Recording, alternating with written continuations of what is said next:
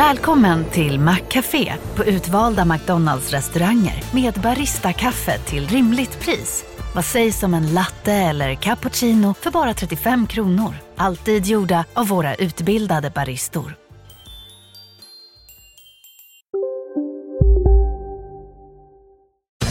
Makrorådet från Dagens Industri.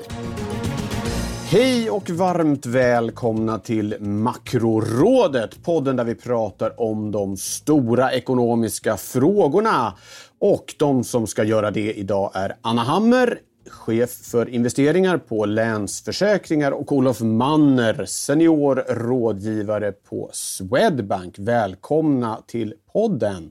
Tack så mycket. Tackar, tackar. Ja, det är ju den sista för säsongen. Eh, formalian är den att jag heter Viktor Munkhammar. Det är ungefär som vanligt det. Det är förmiddagen den 22 december.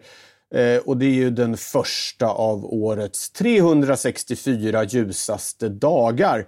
Eller 365 är det faktiskt eftersom det är ett skottår nästa år. Så det kan vi glädjas åt tycker jag, att vi går mot ljusare tider. Eh, Eh, sen är det inte bara ljusa tider eh, när det gäller saker som händer i omvärlden. Eh, eh, även om ju pandemin hittills och återhämtningen har gått kanske bättre än, än, man hade kunnat tro ekonomiskt. Vi ska sammanfatta hösten. Vad är det viktigaste som har hänt? Och göra ett försök att blicka framåt. Eh, det har ju dykt upp en del saker bara den allra senaste tiden som gör att nästa år kanske inte ser fullt så ljust ut som eh, man trodde för en, en månad sedan. Och så ska vi få ett begrepp som har koppling till eh, det som händer på energimarknaden och vi ska få spaningar och veckans viktigaste ett välkänt upplägg. Eh, Anna, jag tänkte allra först eh, ska vi ändå prata lite om statistik som rasade in här nu på morgonen. Det handlar om svensk detaljhandel. Den steg med 0,9 procent i månadstakt och 6,0 procent i årstakt. Vi fick också Eh, en ny notering på producentprisindex som är ett slags inflationsmått i företagsledet. 18,1 procent i, i, i årstakt. Eh, helt kort bara, vad säger du om de här eh, siffrorna?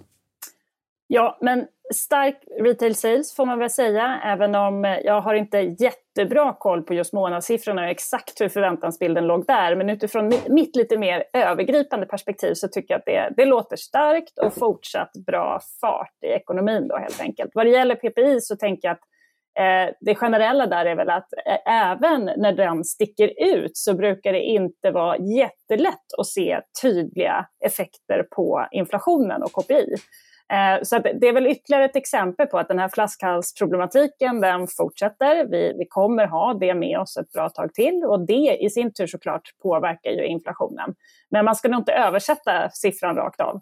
Nej, det hoppas vi verkligen. 18 procent är, ju svettigt. Eh, jag kan säga att förväntningarna på detaljerna var 0,8 upp på månaden. Det blev 0,9 så att lite, lite starkare än man hade befarat. Olof, eh, vill du fylla på här eller tyckte du att Annas redogörelse var fullständig? Ja, Anna, eh, det är ju sällan man behöver kommentera någonting. Eh, men jag tar chansen så här på årets sista podd ändå. Och, eh, vad det gäller detaljhandeln eh, så eh, fick vi ju på eh, min bank då eh, redovisat korttransaktioner här idag på morgonen. Och där ser man ju faktiskt de första tecknen på att, eh, eh att konsumtionen kan börja dämpas lite eh, jämfört med förra året. Och om det beror på hög inflation eller höga elpriser eller på eh, ångest över eh, omikronspridning, det är för tidigt att säga. Men jag tycker ändå riskbilden ligger på nedsidan. Och vad det gäller PPI och den hiskeligt höga årstakten på 18 procent så det som är väldigt intressant framöver det är att se i vilken omfattning företagen knuffar ut de här priserna mot konsument. Det skulle ju kunna få en hög inflation att inte vända tillbaka lika kraftfullt som eh, Riksbanken tror. Så att det blir spännande. Då ska vi göra ett försök att eh, sammanfatta hösten. Det, det, det, har ju fortsatt att vara ovanligt händelserikt. Det är ju verkligen en speciell period vi är inne i här, eh, Anna. Och vi, vi, har ju fått se eh, inflationstal som är de högsta sen, ja man har fått liksom blicka tillbaka ytterligare något decennium för varje siffra som har kommit nästan har det känts som. Men, men det är liksom 80-90-talets nivåer vi ligger på här nu. Vi har sett centralbanker som har bytt fot. Vi har sett en återhämtning som har fortsatt vara starkare än väntat. Alla fram till alldeles här nu på, på slutet. Och i Sverige har vi haft en väldigt fin utveckling på arbetsmarknaden, eh, inte minst. Vad, vad, vad tar du med dig från hösten? Hur vill du liksom baka ihop allt eh, detta? Ja, det är lite spretigt ändå får man väl säga. Men kan man sammanfatta det på något vis som en ökad osäkerhet under hösten som ju såklart också syns på marknaden. Men samtidigt kanske lite mer robust än vad man hade kunnat vänta sig ändå. Vi hade ju en så otroligt stark återhämtning innan och då menar jag egentligen både realekonomin och på marknaden, börsen. Eh, så att, att vi skulle komma in i en period där det, där det skulle kanske bli lite mer eh, att siffrorna kan gå åt båda hållen, både, både positiva och negativa överraskningar. Det kändes väl ganska naturligt och det har vi ju verkligen sett och det finns osäkerhet från många fronter egentligen. Men givet det så tycker jag då ändå att utvecklingen på totalen, om man försöker lyfta blicken lite grann, så står vi på ett ställe eh, som ser ändå ganska bra ut om, om vi liksom blickar tillbaka till när corona slog till. Och då är ju arbetsmarknaden en sån fråga som du lyfte också, som jag tycker är värt att, att lyfta upp ytterligare. Då. Det, både i USA och i Sverige så har ju arbetsmarknaden återhämtat snabbare än vad jag tror att de allra flesta hade räknat med. Och det ja. finns ett tryck där som ju till viss del såklart också kan leda till bekymmer i inflationsvärlden. Men jag tänkte jag kan lämna just den intressanta inflationsutvecklingen då till, till Olof här, så att han också har något att prata om. Ja, just det, precis. Stark arbetsmarknad och lite, lite ökad osäkerhet, men ändå fortsatt rätt robust tycker jag. Ja, Olof, Eh, inflationen som ju verkligen har varit eh, snackisen här under hösten lämnar eh, Anna till dig. Och det är väl verkligen något som sticker ut under hösten? Ja, jag tar tacksamt emot det ämnet och kan väl då, precis som Anna sa, konstatera att inflationen har ju överraskat på uppsidan. Och risken är att den då också kanske överraskar i långvarighet. Men som sagt, det ligger fortfarande framför oss. Eh, stor del av den här eh, inflationsökningen vi har, sagt, eh, vi har sett eh, den kommer ju från eh, extremt höga energipriser, framförallt gas. Då.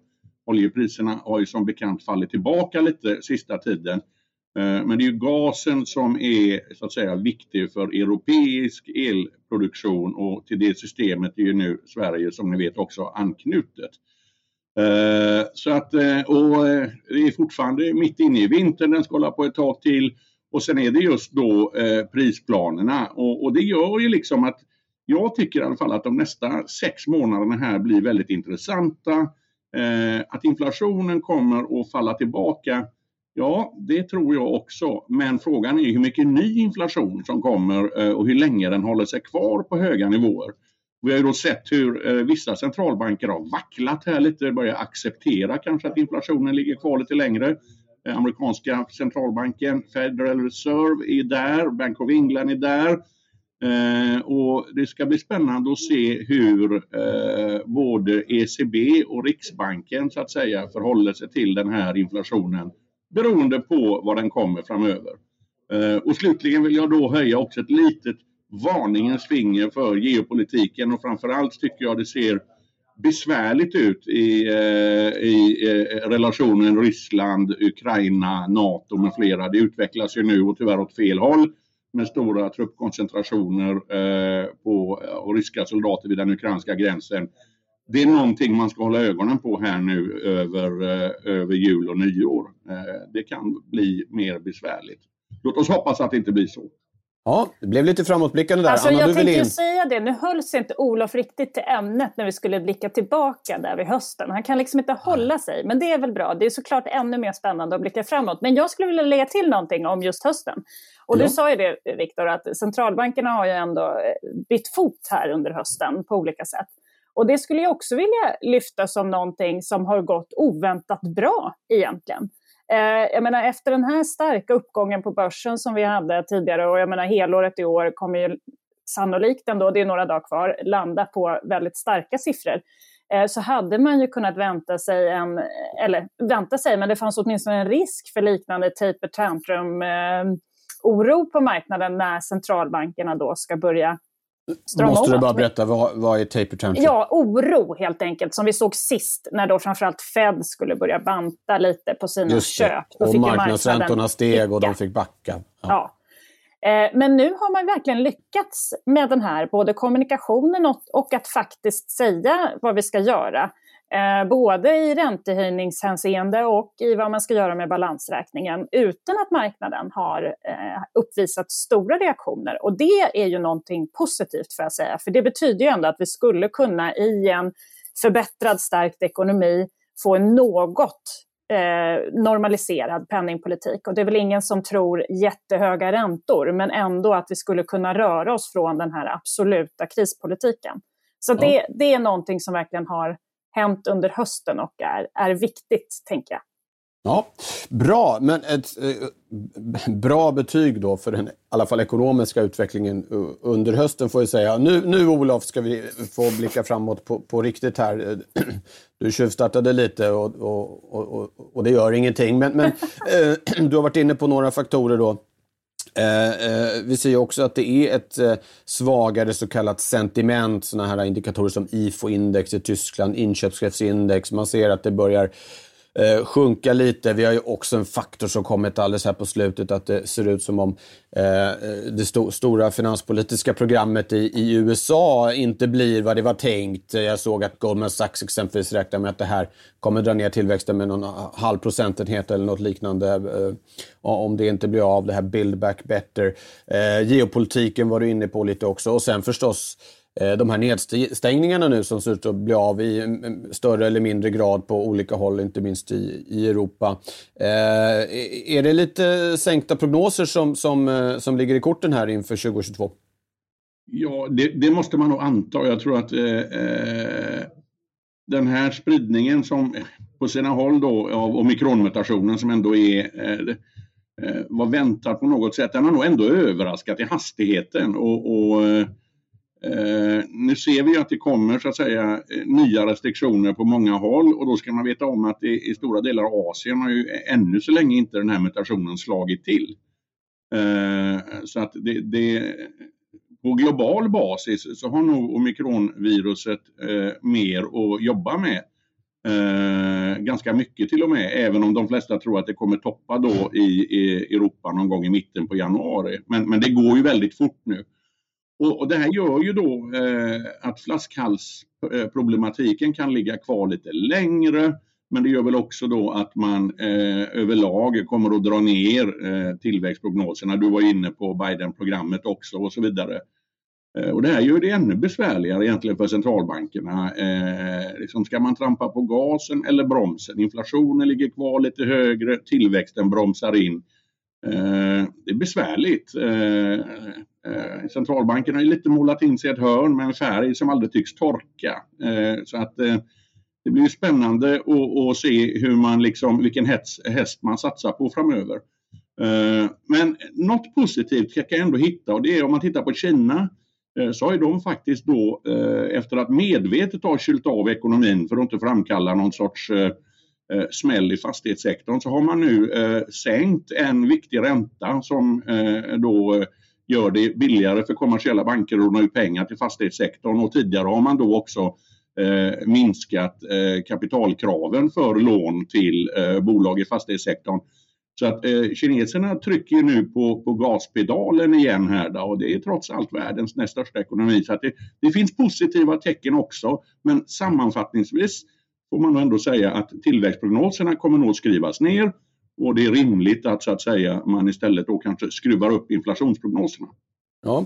Eh, Anna Olof var inne på det lite här, men som sagt, här, omikron verkar ju av allt att döma vara klart mer smittsamt. Samtidigt vet vi att hela världens verkstad Kina håller kvar vid sin noll-covid-strategi eh, med eh, stora nedstängningar även vid bara någon handfull fall. Hur ser du på risken för just det här att det blir nya produktionsstörningar och också svagare tillväxt. Det var ju lite varit det temat under hösten att eh, produktionsproblem, leveransproblem har parallellt liksom tryckt ner eh, farten i tillverkningsindustrin och höjt inflationen. När nu omikron, mycket mer snitsamt, ska möta Kinas nollstrategi som ju regimen har investerat väldigt mycket prestige i. Mm. Vad ser du framför dig där? Jo, men där är väl sannolikheten ganska stor att det kommer bli, precis som Olof var inne på, den här flaskhalsproblematiken som eh, i stor utsträckning eh, härstammar från, därifrån, eller startar där. Det är de här logistikkedjorna som får problem. Och det är väl mycket sannolikt att det här kommer ligga kvar ett tag. Jag, jag trodde väl redan från början att det skulle ligga kvar ganska länge, men nu får vi kanske skjuta på det ytterligare lite. Och är man optimistiskt lagd så kan man nog inte tänka att det här kommer vara löst förrän mot slutet, ja, andra halvåret nästa år. Eh, så jag tror att vi, vi kommer få leva med det. Men jag tänker, och jag tänker också att vi kommer eh, dra ner på eh, tillväxtprognoserna inför... Har du också valt att bli egen? Då är det viktigt att skaffa en bra företagsförsäkring. Hos oss är alla småföretag stora och inga frågor för små. Swedeas företagsförsäkring är anpassad för mindre företag och täcker även sånt som din hemförsäkring inte täcker. Gå in på swedea.se företag och jämför själv. Hej, Ulf Kristersson här. På många sätt är det en mörk tid vi lever i. Men nu tar vi ett stort steg för att göra Sverige till en tryggare och säkrare plats. Sverige är nu medlem i Nato. En för alla, alla för en. Nästa år, men jag tror ändå att de kommer vara ganska höga. Så det här handlar ju om liksom någon typ av rimlighet för, i förväntansbilden ändå, eh, tänker jag. Så att trots neddragning ändå hyfsad fart i den globala ekonomin och likväl i USA. Även om vi drar ner där lite till följd av den här eh, uteblivna reformen då förmodligen, eh, Build Back Better Plan då, som åtminstone kommer skjutas på och förmodligen göras mindre. Eh, där är jag mindre bekymrad i närtid kring effekter på det. Eh, jag tänker att centralbankerna, inklusive Fed, de är bra på att se var inflationen kommer ifrån, om de behöver agera eller inte i en miljö när tillväxten inte blir riktigt lika hög som väntat.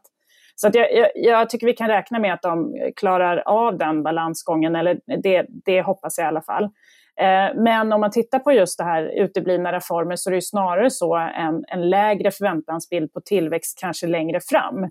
Och det är det som är det bekymrande från, från den typen av, eller den nyheten tycker jag, att de behöver en energiomställning likväl som resten av världen. Det verkar vara väldigt svårt att få igenom då i det här. De Eh, fokusera på kortsiktiga risker då med inflationen och med eh, problem i energiförsörjningen var ju den här eh, senatorn som lyfte som ytterligare ett argument att rösta emot. Då. Och tyvärr får de väl kanske lite vatten på sin kvarn när de tittar på Europa just nu, även om eh, det är inte en långsiktig lösning att inte göra någonting. Så det är klart att det är en, energifrågan är verkligen i, i ropet nu. Jag tror egentligen att det är energipriserna som är den största risken i närtid, just för hushållen. Att det pratas, eller dels så är det ju väldigt höga priser och det påverkar såklart möjligheten till annan konsumtion och det, det kommer dämpa sentimentet framöver hos hushållen. Det är ju redan Eh, om vi tittar på Sverige, lägre än normalt när man, tänker på, eller när man blickar framåt kring sin egna ekonomi. Och där tror jag energipriser är en viktig del i det. Eh, det är också så att vi pratar inte bara de här tillfälligt höga energipriserna, för det har vi ju gjort tidigare, även om de har varit på väldigt höga nivåer. Men vi har ju haft toppar tidigare. Men nu pratas det ju väldigt mycket om just eh, strukturen. Hur länge ska det här ligga kvar? Ska vi verkligen vänta oss högre energipriser långsiktigt av det här? Och det kan ju få en annan typ av effekt på ekonomin även långsiktigt. Så det tycker jag är, en, är den största risken nästan om jag eh, ska lyfta upp någonting i närtid. Ja, bra! Och det här för oss ju på ett väldigt bra sätt över till begreppet. Eh, vi försöker ju reda ut ett eh, ekonomiskt begrepp i varje program och något som det har pratats om väldigt mycket den senaste tiden just med anledning av de höga el och energipriserna är marginalprissättning. Eh, Anna, vad är det egentligen?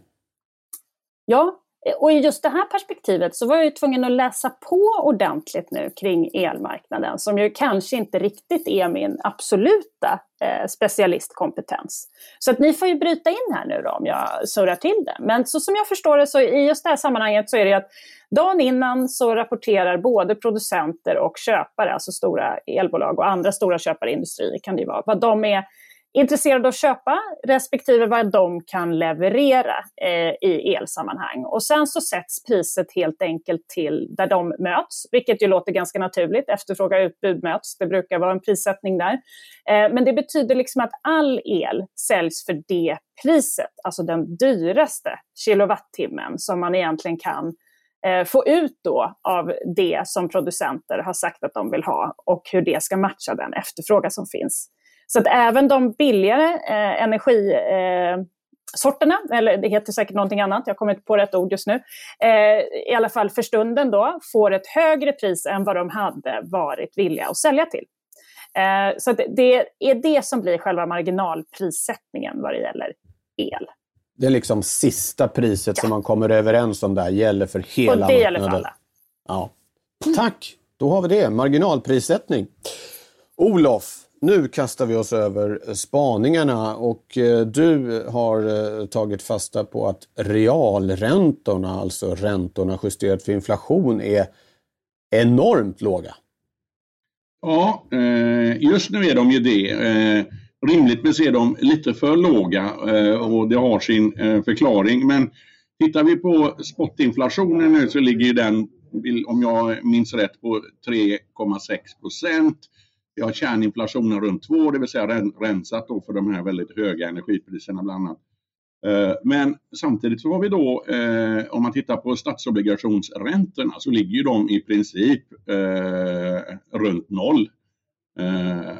Och det gör ju då att, jag menar realräntan är ju nominell ränta minus inflation, så vi har ju i dagsläget då en, en realränta som är negativ på minus 3,5 procent ungefär. Eh, det är extremt lågt även om realräntorna under många decennier eh, har eh, blivit allt lägre. Och jag ska inte gå in på varför det har blivit så. Det är, har demografiska orsaker, det globala sparandet, investeringar med mera, men det är komplicerat. Och framöver här då så måste man ju liksom kan vi ligga med den här låga realräntan? Det är en, en kritik på området är ju att vi tvingar då in eh, spararna i tillgångsklasser som bär högre risk, till exempel aktiemarknaden. Eh, trots att man kanske egentligen då vill ha ett, ett mer säkert sparande. Eh, det kan få en mängd negativa effekter. Det som rimligtvis kommer hända framöver här då, det är ju dels ska ju centralbankerna dra ner över tiden i alla fall på sina obligationsinnehav. Det borde allt annat trycka upp de nominella räntorna. Vi har också då centralbanker som har aviserat räntehöjningar, vilket också då skulle trycka upp de eh, nominella räntorna och samtidigt finns det ju en tro att inflationen eh, ändå ska backa tillbaka från de här väldigt höga temporära nivåerna. Eh, så det är väl rimligt att, att realräntan då stiger, men hur mycket den ska stiga till blir väldigt intressant. Eh, centralbanker har ju sagt att vi kommer att få leva framöver med extremt låga och kanske till och med negativa realräntor. Eh, så att eh, eh spaningen är väl så att säga, ja, inflationen, eller säga, realräntorna kommer nog att, att, att stiga, men kanske inte så högt som många tror. Och som sagt, eh, det beror på inflationen och hur centralbankerna agerar här, både med sina, när de monterar ner de här balansräkningarna och i vilken takt de höjer räntan. Väldigt intressant över tiden. Realräntan är trots allt en av de absolut viktigaste parametrarna. Ja, Anna, någon kort kommentar? Realränta på minus 3,5 procent just nu i, i Sverige. Uh, ännu lägre på andra håll kan man väl lägga till. Ja, Precis, eh, och, och, till viss del så har det ju med den här tillfälligt höga inflationen, den där som är till, hög länge men ändå tillfälligt. Mm. Men den, den, är enligt mig fortsatt tillfälligt hög så den kommer stiga av enbart den anledningen. Men jag är i Olofs kamp här för att jag tror inte heller vi kan se framför oss speciellt höga realräntor. Och det har ju att göra med att jag tror inte vi kommer hinna höja speciellt långt i den här cykeln. Även om jag då är optimist och tänker att vi har en, en bra bit kvar i en, en, eh, i en stärkt ekonomi när vi blickar framåt, eh, så tror jag att det kommer bli svårt att höja upp till en nivå som innebär att realräntan skulle börja ticka upp på plus. Så att eh, låg och eh, sannolikt negativ fortsatt. Ja, tack för det. Anna, du har uh, gett dig in på politiken i din spaning ja. och kopplar samman med de här energifrågorna som vi liksom nuddar vid på något sätt i nästan varenda sak vi pratar om. Precis. Låt höra. Ja, men min spaning är då verkligen politisk islossning i energifrågan 2022. Jag vågar säga det. Jag tror att det verkligen är dags. Jag tror att S och M kommer komma överens. Jag tror att det finns eh, goda eh, förutsättningar för liksom en långsiktig uppgörelse här. Eh, och det har ju att göra med flera olika faktorer som såklart hänger ihop och det är därför vi pratar om energifrågan så mycket. Men det jag också tänker är att det här kommer ju också öka förutsättningarna för svensk tillväxt i ett långsiktigt perspektiv. Jag var inne på liksom bristen av reformer i USA som något negativt här tänker jag att här kan vi verkligen ta stafettpinnen och visa vägen framåt och istället då skapa förutsättningar för långsiktig tillväxt i Sverige. Eh, och jag tror att det är flera anledningar till det. Dels så är det så att det är enklare, tror jag, för S att komma överens med M i den här miljön när de sitter ensamma i regering. Inför valet tror jag ändå att det skulle kunna vara positivt. Nu ger jag mig in på områden som jag såklart har väldigt lite kunskap kring, men det är ju roligt med spaningen också. Men jag tänker att det skulle kanske kunna premieras i valet ändå att ta ansvar kring en sån här väldigt viktig fråga för hushållen och också för företagen när vi blickar framåt. För vi pratar ju väldigt mycket om den här nya industrialiseringen av Sverige. Vi pratar om klimatomställningen. Det är allt mer uppenbart att det här går såklart inte att ducka för de stora partierna eh, i Sverige. Att, att liksom säkerställa att man tar de här frågorna på stort allvar.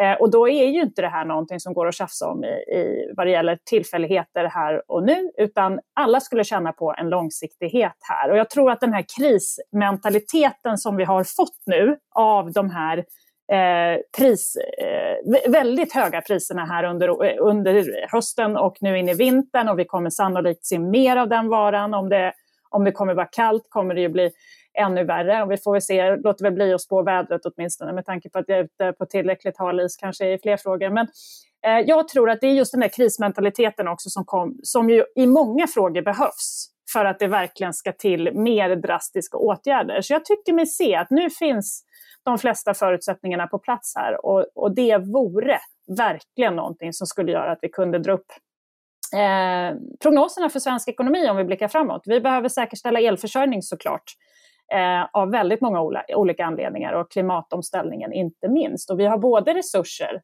och förutsättningar för att lyckas. Rent konkret då, när du säger uppgörelse, är det kärnkraft du pratar om? Ja, det, det, det, blir ju väldigt svårt att avgöra. Det känns ju som utifrån mitt perspektiv svårt kanske att få den här andra energin att bli tillräckligt planerbar. Men just det tänker jag, det överlåter jag till någon annan att avgöra. Men långsiktiga överenskommelser, det tror jag behövs. Vi kan väl över, överlåta det till energi. Olof och, ja, det vi och, och avgöra det. Nej, men Olof, tror du, det här, är ju, det här är ju intressant som Anna säger. Det är ju både på kort sikt och lång sikt eh, en, en jätteviktig fråga. Eh, blir det uppgörelse mellan S och M under nästa år kring energin? Jag tror att eh, när elränk, elräkningen dimper ner hos hushållen i januari, då kommer det bli ett jättetryck på politikerna att göra någonting åt det här. För den är, kommer inte bli rolig, det kan man ju säga redan nu.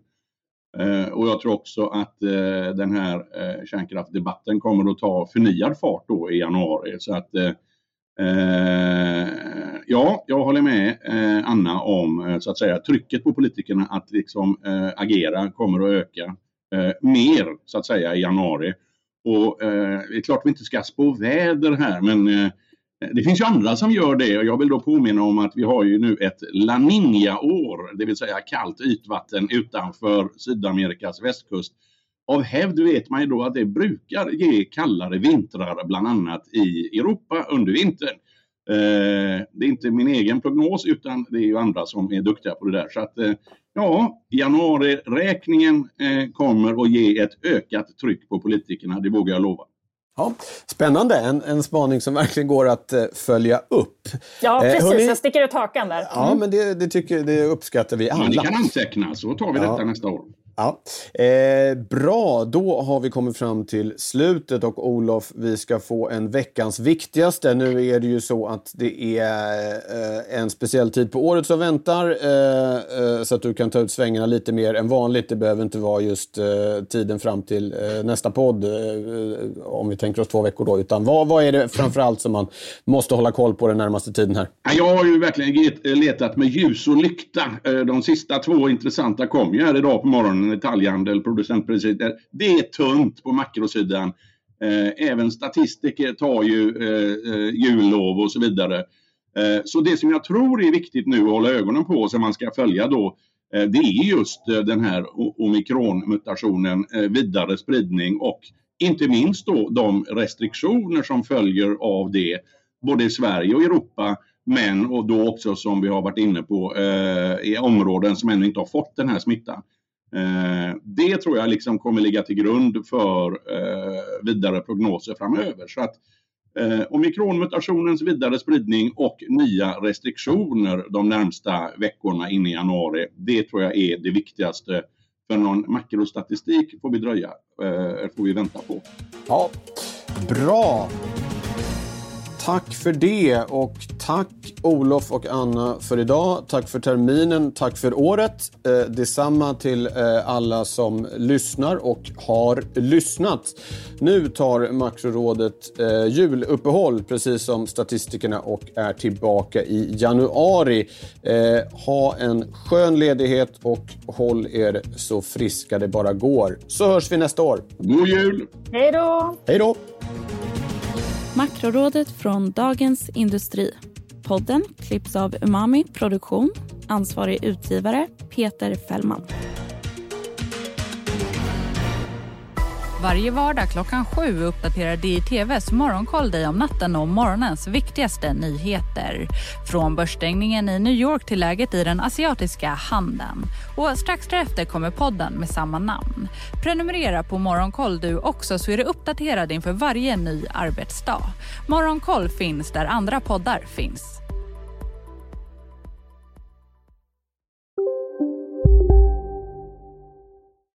Hej Sverige!